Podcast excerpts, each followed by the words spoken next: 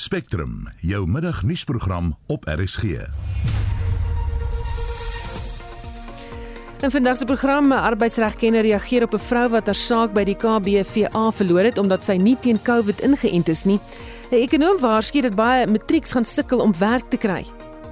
Ons is nie onderste 3 lande in die wêreld as ons elke 3 jaar doen leerlinge toetse en meet ons dit oor reg oor die wêreld. So dit sê vir my die kwaliteit van Suid-Afrikaanse onderwys is nie goed genoeg nie alhoewel ons baie as 'n persentasie van BBP daarop spandeer. Nog 'n snikjete naweek lê vir die Kaap voor. Die James Webb Ruimteteleskoop bereik sy nuwe tuiste na 'n reis van 1,5 miljoen kilometer en die jongste van die Australiese tennisope. Welkom by Spectrum. Die span is Wessel Pretorius, Mark Praller en ek is Susan Paxton. Dis nou 5 minute oor 12 jy luister na Spectrum. En hoofnuus vandag is dat die kommissie vir versoening, bemiddeling en arbitrasie bevind het dat die Gold Rush groep regverdig opgetree het deur 'n werknemer af te dank omdat sy geweier het om in die of om in te en teen COVID-19. Die KVBA het bevind in sy uitspraak dat Teresa Muldery geweier het om by te dra tot 'n veilige werksomgewing met haar verset teen die inenting. Ons praat nou met 'n arbeidsregkenner van Baker McKenzie, Johan Botus. Goeiemôre Johan. Goeiemôre. Sê vir my wat presies het die KVBA bevind in sy uitspraak? In in wese dat dit billik was van die werkgewer om die werknemer nemer af te dank waar sy ehm um, geweier het om ingeënt te word. Dis dis die hoogwatermerk van dit. Dis 'n bevinding wat uh, ons al uh, weet ons ons uh, wag al 'n rukkie verleiding in 'n uh, in 'n aanduiding van die KVBA oor hoe hierdie sake gehanteer gaan word. Maar ek dink is 'n is 'n wonderlike beslissing wat vir ons duidelik bevestig dat daar omstandighede is wat die wet toelaat vir 'n werkgewer om 'n werknemer af te dank waar die werknemer on onbillikerwys weier om ingeënt te word in omstandighede waar die werkgewer bevind bevind dat 'n inenting is wel noodsaaklik of verplig in daai werksplek. En dit beteken dus dat mense versigtig moet wees om hulle self nie net in die breë te beroep op wetgewing hier oor nie. Daai ene wat sê dis my lyf en jy mag my nie dwing om enigiets te doen nie. Abs absoluut. Dis is so frustrasie vir my, weet as ek as ek as ek luister na hierdie argumente. Want dit is wonderlik om in breë trek nou te sê maar ek het nie reg die mensereg handves in die grondwet sê vir my ek het die reg tot liggaamlike integriteit en op geloof en al daai goeders, maar maar hierdie regte uh, word gebalanseer en die werkgewer het 'n uh, nie net 'n reg nie, werkgewer het 'n verpligting om te verseker dat dat um, hy 'n veilige werksplek daar stel vir almal wat na 'n werksplek inkom. En waar werkgewer deur 'n billike proses gaan, 'n ordentlike proses om te bepaal en sê die risiko in hierdie werksplek wat ek ontleed het sê dat ek um, ek moet dringende stappe neem om te verhoed dat mense siek word in hierdie werksplek. En met dit in gedagte gaan ek inenting mandateer, verpligting maak in hierdie werksplek. Dan moet jy regtig baie goeie gronde hê as 'n werknemer om te kan sê maar my individuele reg um, is is is sterker en um, moet meer gewig dra as die reg van al die ander mense in hierdie werksplek om om veilig te wees. Ehm um, en en dien ooreenkomstig kan jy my nie afdank nie. Die het bevestig op hierdie stel feite was dit was dit billik geweest vir die werkgewer um, om die dienste beëindig van die werknemer. So daar kan uitsonderings wees. Op absoluut en elke werkgewer, so die eerste um, punt uh, wat 'n werkgewer moet bepaal is wat is my risiko in hierdie werksplek?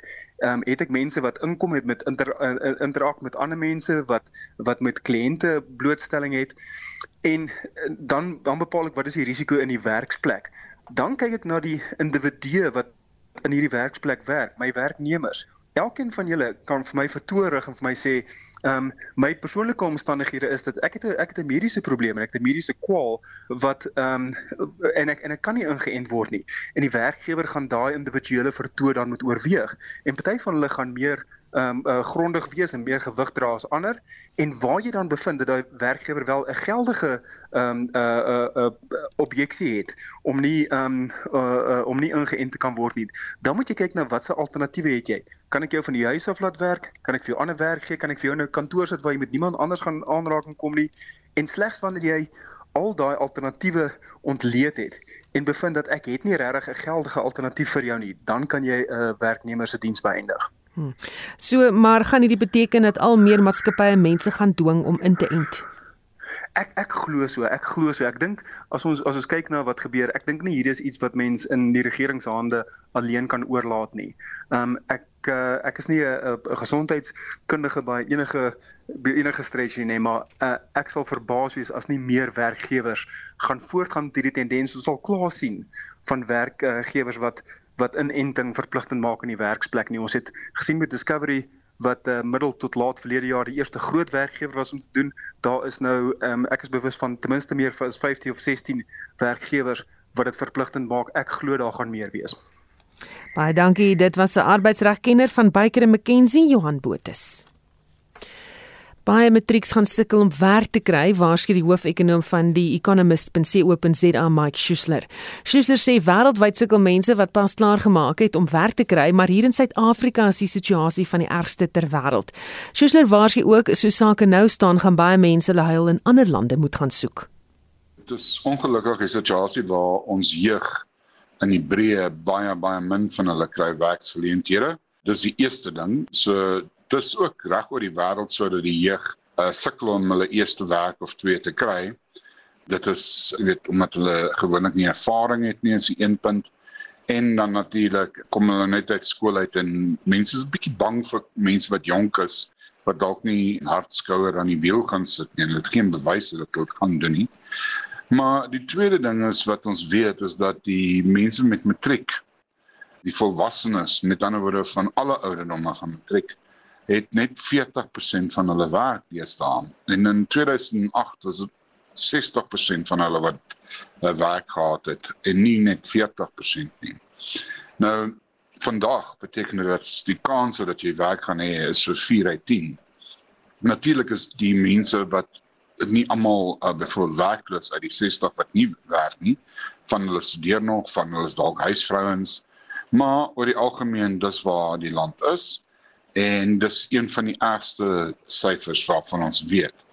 Mense wat nie matriek het nie, net die goeie nuus is dat hulle nog slegter vaar.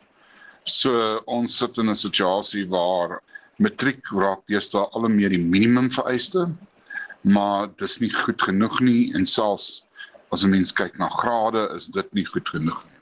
Wat is die antwoord hier? Die antwoord is waarskynlik meer as een ding. Die eerste ding is ons moet dit groei kry en die regering kan mens blameer daarvoor omdat hy nie die private sektor kans gee nie. En natuurlik het ons baie politieke drama rondom uh, goed in Suid-Afrika wat nie ander lande nie so seer het nie. En uh, dit maak dit baie moeilik om te verwag dat mense nog private sektor besighede hier gaan kry wat ons land gaan oorstroom om werk te skep. So dit is goed vir die groot mense moet uitsorteer, die leiers van hierdie land. Maar eh, daar is ook ander goed wat ons moet na kyk en die een ding wat ek na kyk is die kwaliteit van ons onderwys. Ons weet ons is in die onderste 3 lande in die wêreld as ons elke 3 jaar aan doen ons so doen leerlinge toetse en meet ons dit oor reg oor die wêreld. So dit sê vir my die kwaliteit van Suid-Afrikaanse onderwys is nie goed genoeg nie alhoewel ons baie as 'n persentasie van BBP daarop spandeer en dit sê vir my ons moet hard werk om die kwaliteit te verbeter. Die derde ding is wat ons self kan doen is om ons verhoudings met onsself en met die mense om ons te verbeter en beter te begin dink en dit is sê 'n positiewe denkwyse te ontwikkel. As jy nie nou hierdie werk kry nie, dan probeer jy maar die volgende ene en jy probeer iets vir jouself doen. Jy probeer vir mense wys minstens dat jy iets probeer. Die probleem is soveel mense gee op. En dit was die hoofekonoom van die Economist.co.za, Mike Schuessler. Nou daar's wêreldwyd 'n groot tekort aan mense wat gespesialiseer is in kubersekuriteit. Shireen Godwin van Performata, 'n maatskappy wat spesialiseer in kubersekuriteit en die opleiding van mense in die bedryf sê, hierdie is deel van 'n groter vaardigheidstekort in die Suid-Afrikaanse mark. The reality is, is that it, it's always been hard to get IT skills, and it's just got harder. And it's got harder for a number of reasons. The one is the digital talent hyper competition. And the second one is a lot of people are wanting to work remotely, and then obviously the hybrid work model. So people are selective in which organizations they go to.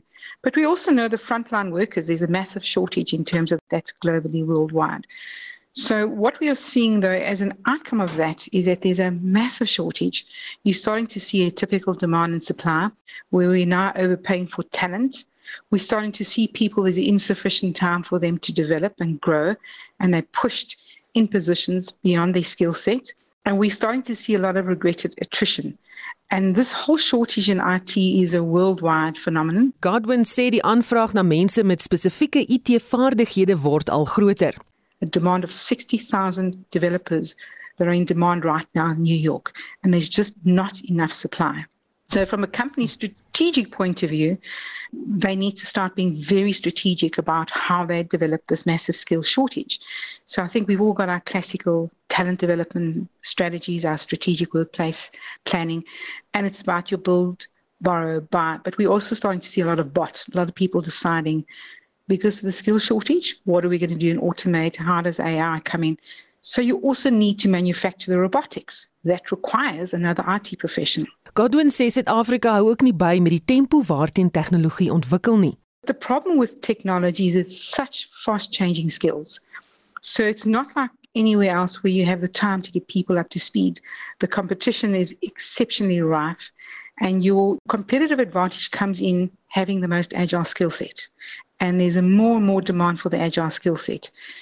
But if you look, everyone's transforming. I mean, it's a worldwide phenomenon. People are moving towards cloud, digital transformation. And the reality is, everyone's getting connected to the net. And obviously, with COVID, this has just exacerbated. Godwin sê daar moet 'n groter fokus wees op IT-opleiding in skole en tersiêre instellings. There, there are plans and there are extensive plans as part of the MICT in South Africa. But if I have to just give you the South African situation, there's plus minus 18,000 employees in the IT sector. That's um, as per the MICT sector skills plan. Having said that, the demand is once again massive. And you're starting to look at the skill shortages and you're looking at the scarce skills. Out of the top 10, you'll see that eight of them are in IT.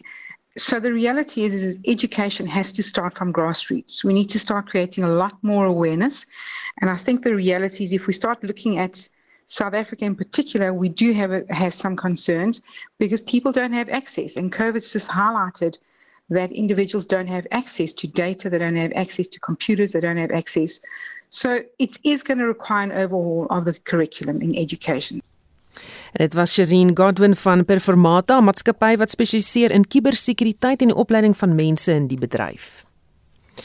Die kans is goed dat president Cyril Ramaphosa voor die staande komitee oor openbare rekeninge, kortweg skoor, sal moet verskyn oor beweringe dat hy bewus was van belastingbetalersgeld wat vir die ANC se interne leierskapsveldtogte aangewend is. Om hierdie saak vir ons te belig, praat ons nou met die politieke joernalis Jan Jan Jubber. Goeiemôre Jan Jan. Goeiemôre Susan, jy's terug op droë grond. Ja, dit voel nog so 'n bietjie of ek rondweg in die skip, jy weet ek nog my soos hulle sê in Engels my sea legs, maar dit was heerlik. Dis maar die politiek, jong, dis so dit gaan, dit voel so. Dinge ruk hier in die land. Goed, die inligting het aan die lig gekom nadat 'n klankgreep van 'n 2017 NK vergadering uitgelek het. Wat sê Ramaphosa op die klankgreep? dat hy bewus is daarvan dat um basiese staatshulpbronne uh, misbruik word in die ANC leierskapstryd. So dit is 'n baie ernstige ding wat hy sê en as jy kyk na die wetgewing wat ons land het oor korrupsie want dit sou inderdaad korrupte gedrag wees, dan um gaan dan ons baie sterk anti-korrupsie wetgewing word nie altyd baie goed toegepas nie maar wanneer dit toegepas word dan maak dit diegene wat uh, skuldig is aan korrupsie amper ewe skuldig as diegene wat daarvan weet redelikerwys dit moet vermoed en dan is daar die um absolute verpligting op diegene wat weet uh, of vermoed dat daar korrupsie plaasvind om dit aan te meld en is op grond hiervan dat meneer Ramaphosa dalk in die pekel kan wees Hoekom dink jy is dit uitgelek en wie kan hiervoor verantwoordelik wees? Wel Susan as ek nou geweet het, nee, dan moes ek dit nou seker gaan aanmeld het, maar ek kan wel raai en ek sou sê dit was nie meneer Ramaphosa nie. Kom ons raai wie dit nie was nie. Dit was waarskynlik nie meneer Ramaphosa nie. As dit natuurlik 'n korrekte opname is, jy weet, die goeters word ook maar soms taamlik gedokter en so voort, maar as ons nou aanvaar is 'n korrekte opname, dan was dit seker nie meneer Ramaphosa nie en dit was seker nie iemand wat hom goedgesind is nie. So ek dink hoeveel raai dat dit iemand is wat hom nie goedgesind is nie en nie hy self nie nie. Ek dink dit sê genoeg want sy teenstanders, die ken ons. Um meneer Mervin Dirks wat um nou die baie opskop en oor wie ons nou kan praat, is geen groot vriend van meneer Ramaphosa nie. En daar's ander uh, mense dink aan Lindiwe Sisulu en Ysmagashuli en die hele ou spul. Um dit kan enige een wees of geen een van hulle nie. Maak nie saak nie. Is nou daar. Die mense wat baat vind is die sogenaamde RET faksie, die mense wat radikale ekonomiese transformasie wil hê en teen meneer Ramaphosa gekant is. Nou wat maak jy van die ANC LPM Mervin Dirks wat daarop aandring dat Ramaphosa aan die pen ry? Is sy motief edel? wat dink jy? Kom ons sê eers dit as 'n gebore KwaZulu-Nataler moet ek nou erken dat ons provinsie nou nie die land groot gunstig gedoen het met die politici wat ons opgelewer het in die ANC kader nie. En Mervin Dirks van Pietermaritzburg is nou een van die. So hy het nou basies um oorlog verklaar hy is um inderdaad die ANC se mees senior lid op die staande komitee oor openbare rekeninge skoor. Dis natuurlik die enigste komitee in die parlement wat nie 'n ANC voorsitter het nie. Ou Britse tradisie wat hier voortleef en die um die voorsitter van daai komitee is Mkhuleko Slengwa van die Inkatha Vryheidsparty. So wat meneer Dirks hier gedoen het is om inderdaad sy oorsigrol ewe skielik te begin uitvoer. Kyk, het hy nou wakker geskrik oor oorsig net toe dit hom pas. Nou sien ANC glad nie dik van die lag nie en hulle het hom geskort. Nou wat dit dan gaan beteken is dat wanneer skoor vergader en ons kan nou oor die proses loop, maar dan gaan meneer Dirks nie daar wees om sy eie um sy eie voorstelle deur te voer nie want hy sal dan nou as geskorste lid van die ANC dit nie kan bywoon as parlementslid nie. Is Ramaphosa in groot moeilikheid of sal hy die storm kan trotseer? Ek dink daar is 'n groot moeilikheid ja. Dit hang af hoe hierdie skoorvergaderings afloop.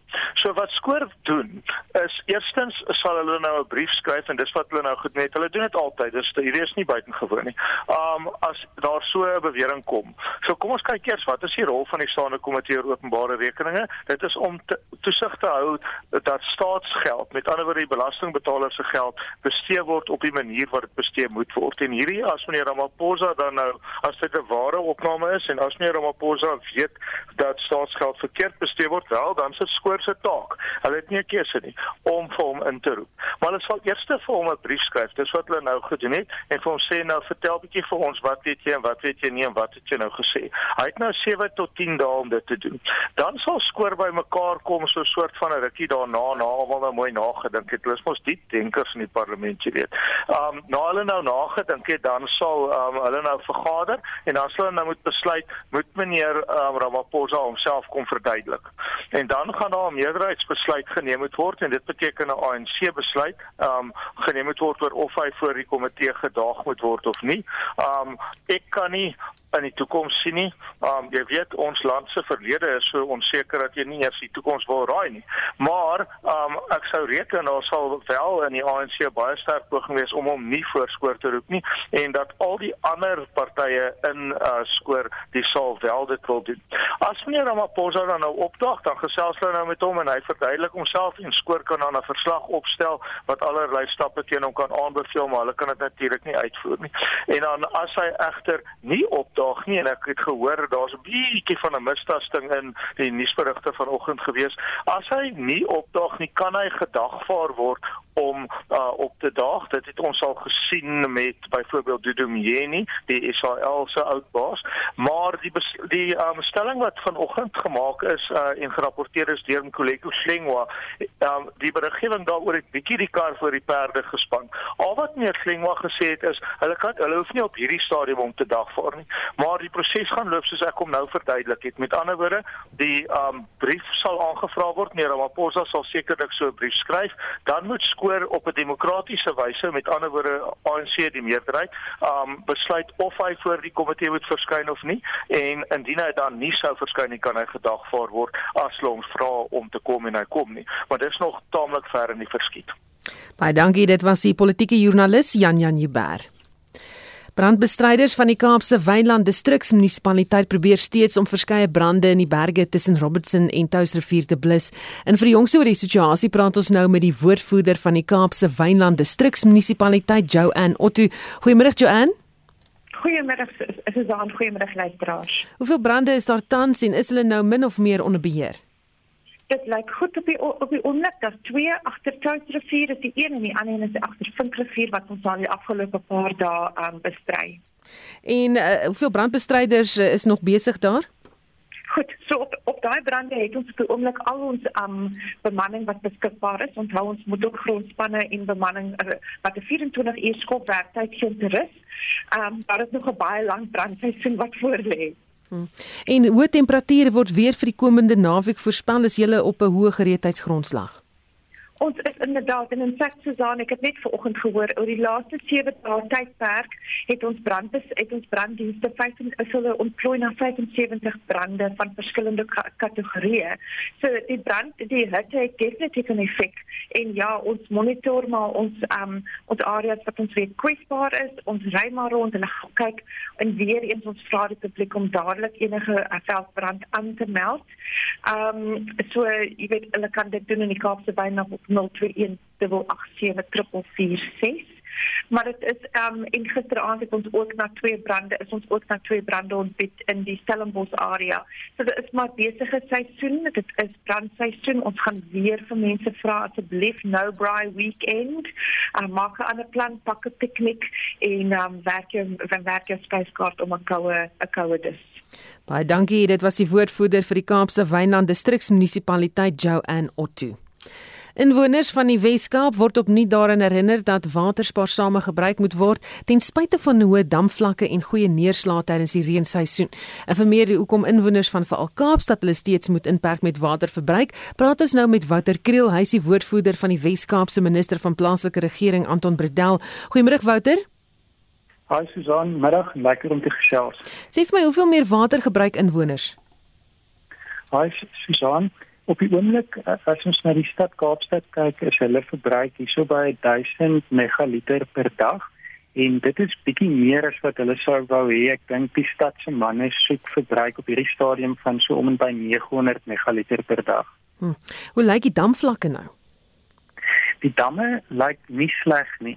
Ehm um, as ons kyk oor die hele provinsie, ehm um, is die gemiddelde ehm um, damvlak so 76% en dit is 'n goeie 10% meer as wat dit verlede jaar hierdie tyd was. Jy weet die damme wat wat water vir Kaapstad gee is almal vol.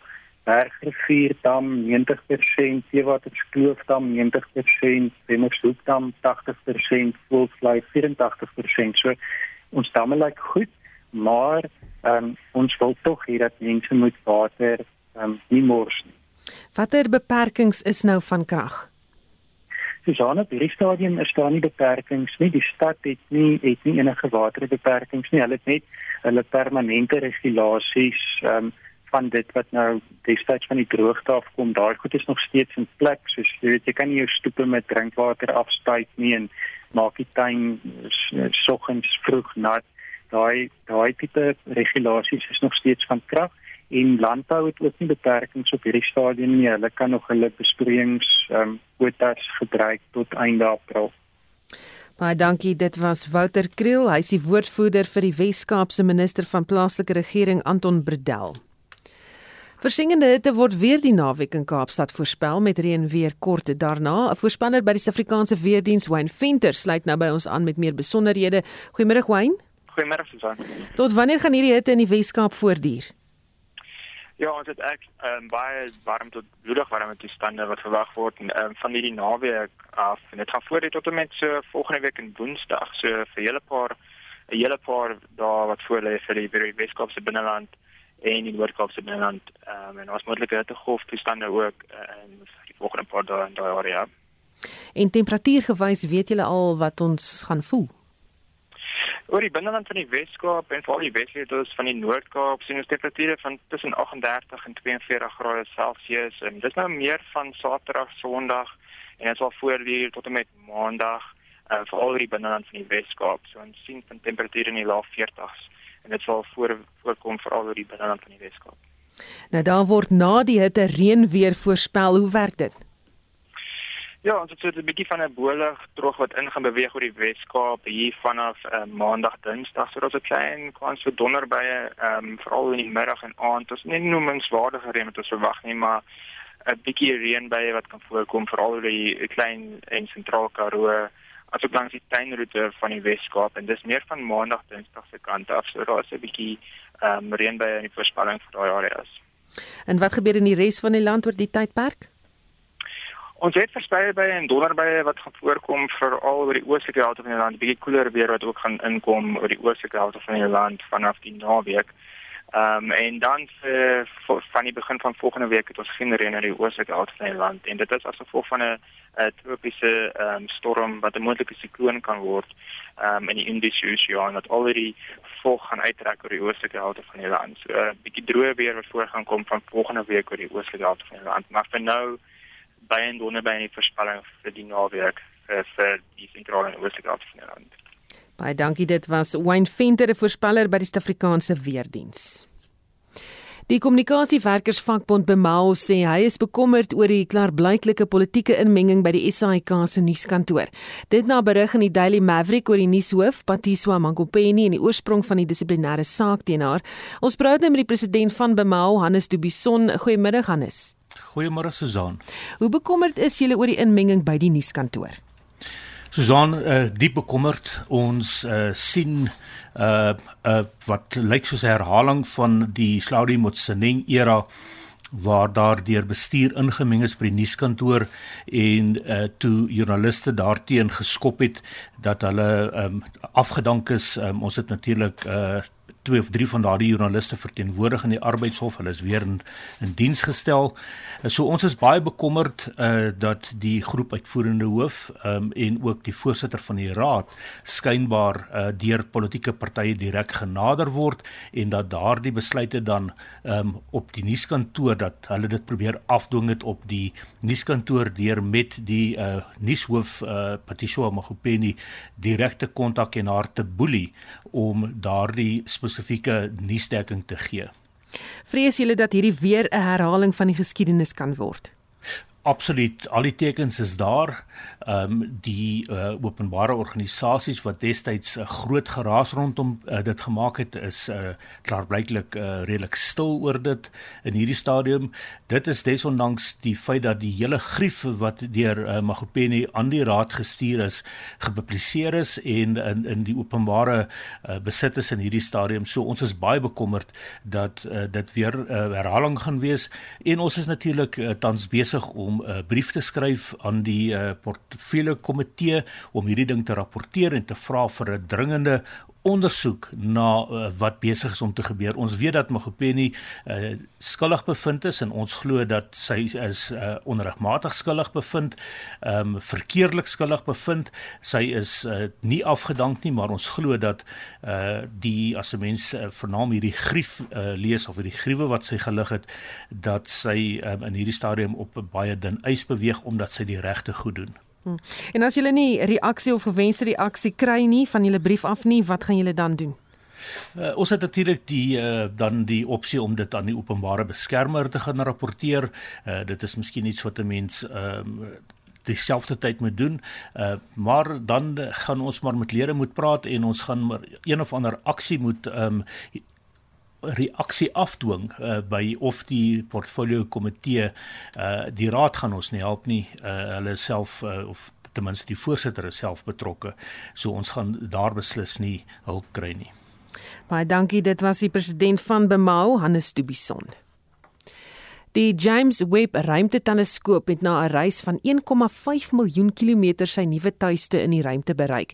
Dit staan bekend as L2, die tweede Lagrange punt. Ons praat nou met 'n buitengewone professor verbonde aan die Sentrum vir Ruimtenavorsing aan die Noordwes Universiteit en die Departement van Fisika by Stellenbosch Universiteit, eh, Pieter Kotse. Goeiemôre Pieter. Goeiemôre Susan. Daar word baie van hierdie teleskoop verwag. Wat is die volgende stap eh, nadat hy in sy wentelbaan is?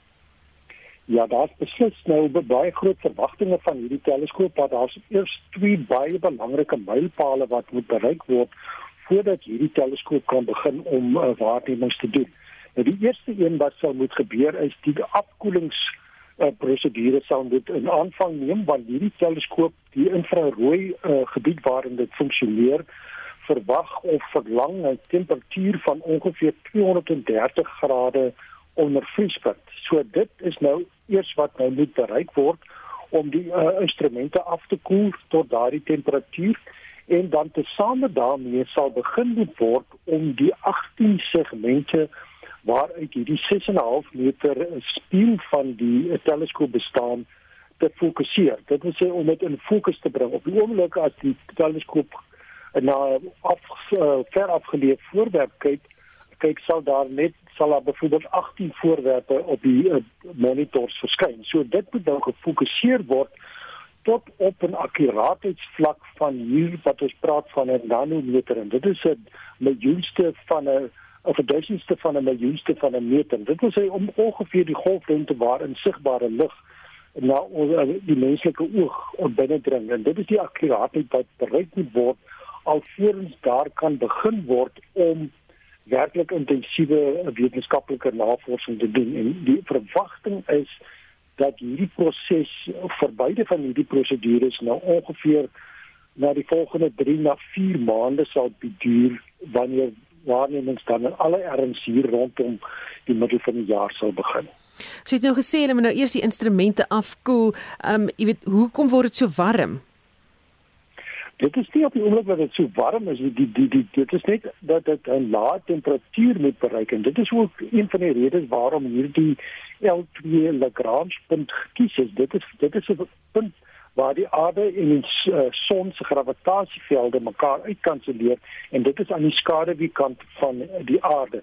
En daarbey ook is daar 'n terwyl die uh, James Webb na sy uh, uiteindelike posisie beweeg het, is ook 'n uh, dit is 'n skerm ontplooi wat gaan help om weerkaatsings van beide die aarde, die maan en ook vanaf die son heeltemal tot op 'n minimum vlak te beperk. So dit is uiters noodsaaklik vir die golflengte gebied wat ek genoem het is die infrarooi gebied en dit verlang geweldige lae temperature om die akkuraatheidsvlak te bereik of die sensitiwiteit te bereik waarvoor die teleskoop ontwerp is.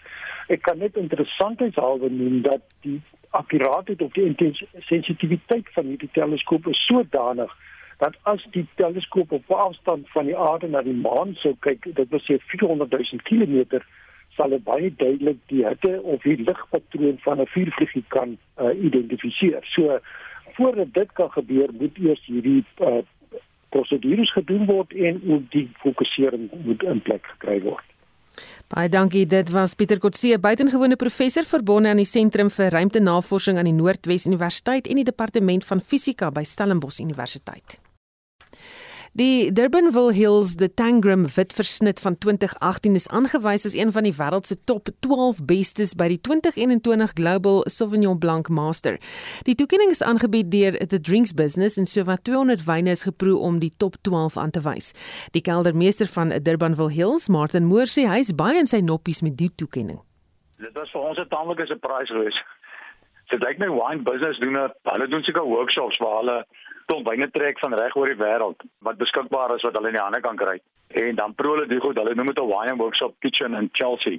Maar met drie wissers is 'n is 'n baie gerekende publikasie en hulle punte word baie hoog aangeslaan.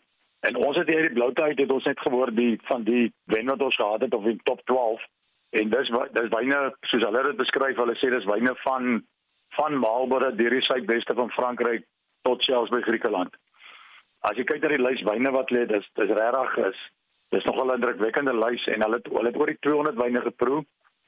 Ek het dit so vinnig opgetel, dit lyk my daar's omtrent 107 medaljes toegekend. Dis nou goud, silwer en brons en dan oor die top 12 toegekend waarvan ons een is met COVID wat toe die pandemie nou begin het, um 2020, het die alkoholbedryf het min of meer na tot 'n stilstand gekom. Ons het op staan en berigte gehad van mense wat hulle wyn moes laat uitloop want hulle kon regtig net niks daarmee doen nie.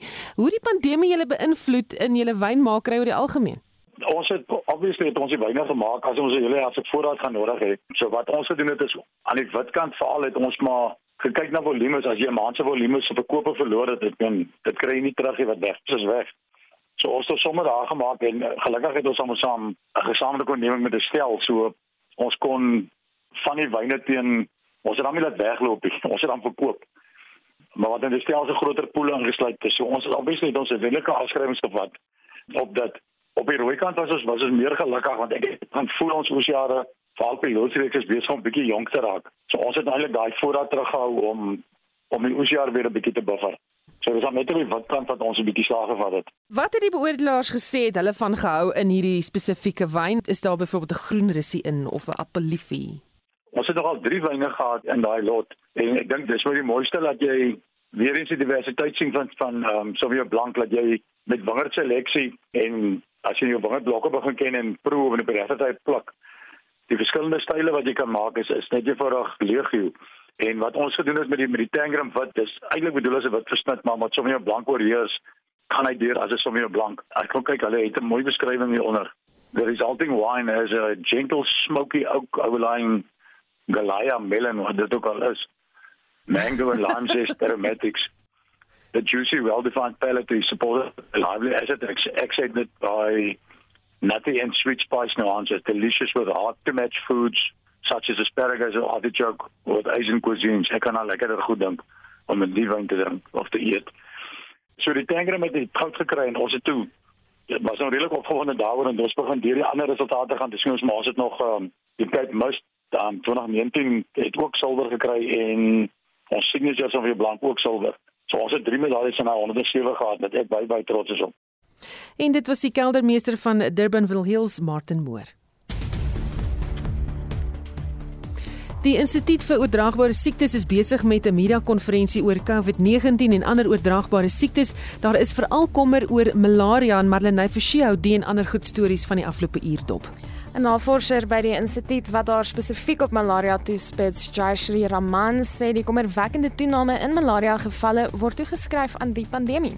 We're having a number of malaria cases are being diagnosed late or being missed And it's really driven by the fact that both COVID 19 and malaria share very similar symptoms.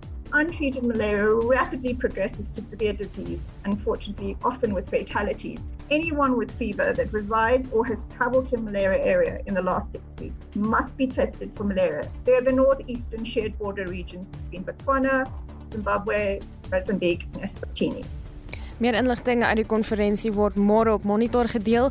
Die kommissie vir versoening, bemiddeling en arbitrasie sê tussen die Goldrush groep het regverdig opgetree deur 'n werknemer af te dank omdat sy geweier het om teen COVID-19 ingeënt te word. 'n Arbeidsregkenner van Baker McKenzie, Johan Botha, sê dis Suid-Afrikaners se voorland. Ons het gesien met Discovery wat uh, middel tot laat verlede jaar die eerste groot werkgewer was om te doen. Ek is bewus van ten minste meer as 15 of 16 werkgewers wat dit verpligtend maak. Ek glo daar gaan meer wees. Die onderwerp is nou so 5 ure lank een van die gewildes op Twitter as CCMA. Nou op die politieke front word ook bespiegel oor die gelekte klank waarin president Cyril Ramaphosa sê openbare befondsing is in politieke veldtogte gebruik. Politieke ontleder Jan Jan Jubber. As ons nou aanvaar as 'n korrekte opname, dan was dit seker nie meneer Ramaphosa nie en dit was seker nie iemand wat hom goedgesind is nie. So ek dink hoeveel raai dat dit iemand is wat hom nie goedgesind is nie en nie hy self nie. Ek dink dit sê genoeg want sy teenstanders, die ken ons. Meneer Mervin Dirks wat is geen groot vriend van meneer Ramaphosa nie. En aan Kaapenaars onthou dat die komende naweek weer uiters warm gaan wees. Nog iets om na uit te sien in Monitor môreoggend tussen 6 en 8. 'n Mediese span van Tygerberg Hospitaal het met 'n keisersnit 'n 45 of eerder 'n 35 week oue fetus verlos sodat 'n operasie uitgevoer kan word om 'n gewas, die grootte van die fetus se kop te verwyder. So as dit iets is waarna jy belangstel, beslis jy moet werd om na te luister. En dit was vir Shame met die hoofnuus van die afgelope uur.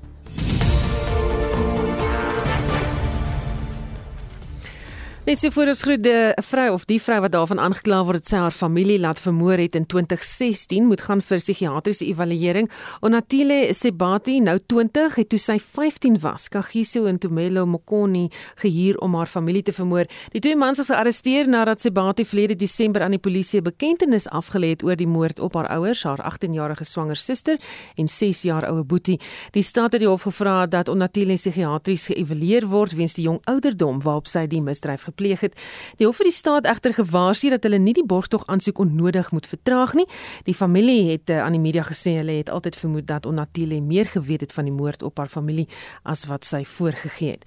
En dan vir ons heeltemal groet, het Sanparks laat weet dat alhoewel daar verskriklik baie water daar by die Ograbies waterval afkom op die oomblik dat die waterval of die park steeds oop bly. Dis nou die Ograbies Watervalpark Nasionale Park. Hy bly oop. Hulle praat van iets soos 3000 uh, kubieke meter per sekonde wat daar oor die valle beweeg op die oomblik, maar so as jy in die omgewing is, is dit dalk heeltemal die moeite werd om te gaan kyk. daarmee groet die Spectrum span vanmiddag. Ons uitvoerende regisseur Nicoline de Wee, redakteur Wessel Pretorius en ons tegniese regisseur is Mark Preller. Ek is Susan Paxton bly ingeskakel vir 360.